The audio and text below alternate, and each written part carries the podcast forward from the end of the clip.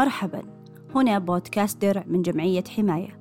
هو سلسلة توعوية لكل مستخدمي التقنية في حياتهم اليومية. توضح السلسلة سبل الحماية والاستخدام الأمثل لحياتنا التقنية وكذلك توضح بعض المصطلحات الشائعة لغير المتخصصين في مجال أمن المعلومات. عشان نفهم السالفة والخطر والتحذيرات لازم نكون على الخط متخصصين ومستخدمين. لنكون درع حماية لشبكاتنا الخاصة والعامة. درع ضد الابتزاز أو الاختراق وصولا إلى أن الأفراد يحمون الأمن الوطني السيبراني. سيبراني؟ يا كثر ما سمعنا هالكلمة. الأمن السيبراني وش قصته؟ والدنيا مقلوبة عليه.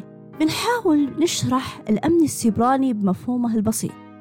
مثل ما في هيئة متخصصة أو وزارة تحافظ على أمن بيتك وسيارتك وممتلكاتك وتلاحق المجرمين والمطلوبين وتوقفهم وتحذر المواطنين من سلوكيات خاطئة تعرضهم للأذى. كذلك عالمك الافتراضي من أجهزة تعمل على التقنية والبرمجيات التي تعمل عليها تحتاج إلى منظمة تحميها.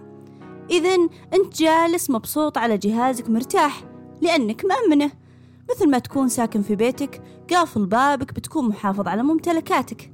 إذا الأمن السيبراني هو ممارسة حماية الأنظمة والشبكات والبرامج من الهجمات الرقمية التي تهدف عادة إلى الوصول إلى معلومات حساسة لتغييرها أو إتلافها أو ابتزاز المال من المستخدمين أو مقاطعة العمليات التجارية.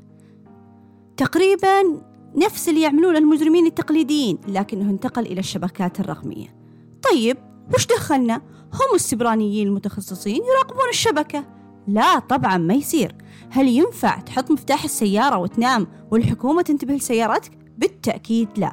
كذلك بياناتك وتطبيقاتك أنت المسؤول الأول للحفاظ عليها. الطرق أو الطريقة لكل منها؟ راح ندردش فيها سوا حول دور الأفراد في الأمن السيبراني وكيف أنه مثل ما أنت رجل الأمن الأول في العالم التقليدي كذلك أنت خط الدفاع الأول في العالم السيبراني. تابعوني على بودكاست درع للحوار والتوعية مع المتخصصين حول مفاهيم الأمن السيبراني وأمن المعلومات.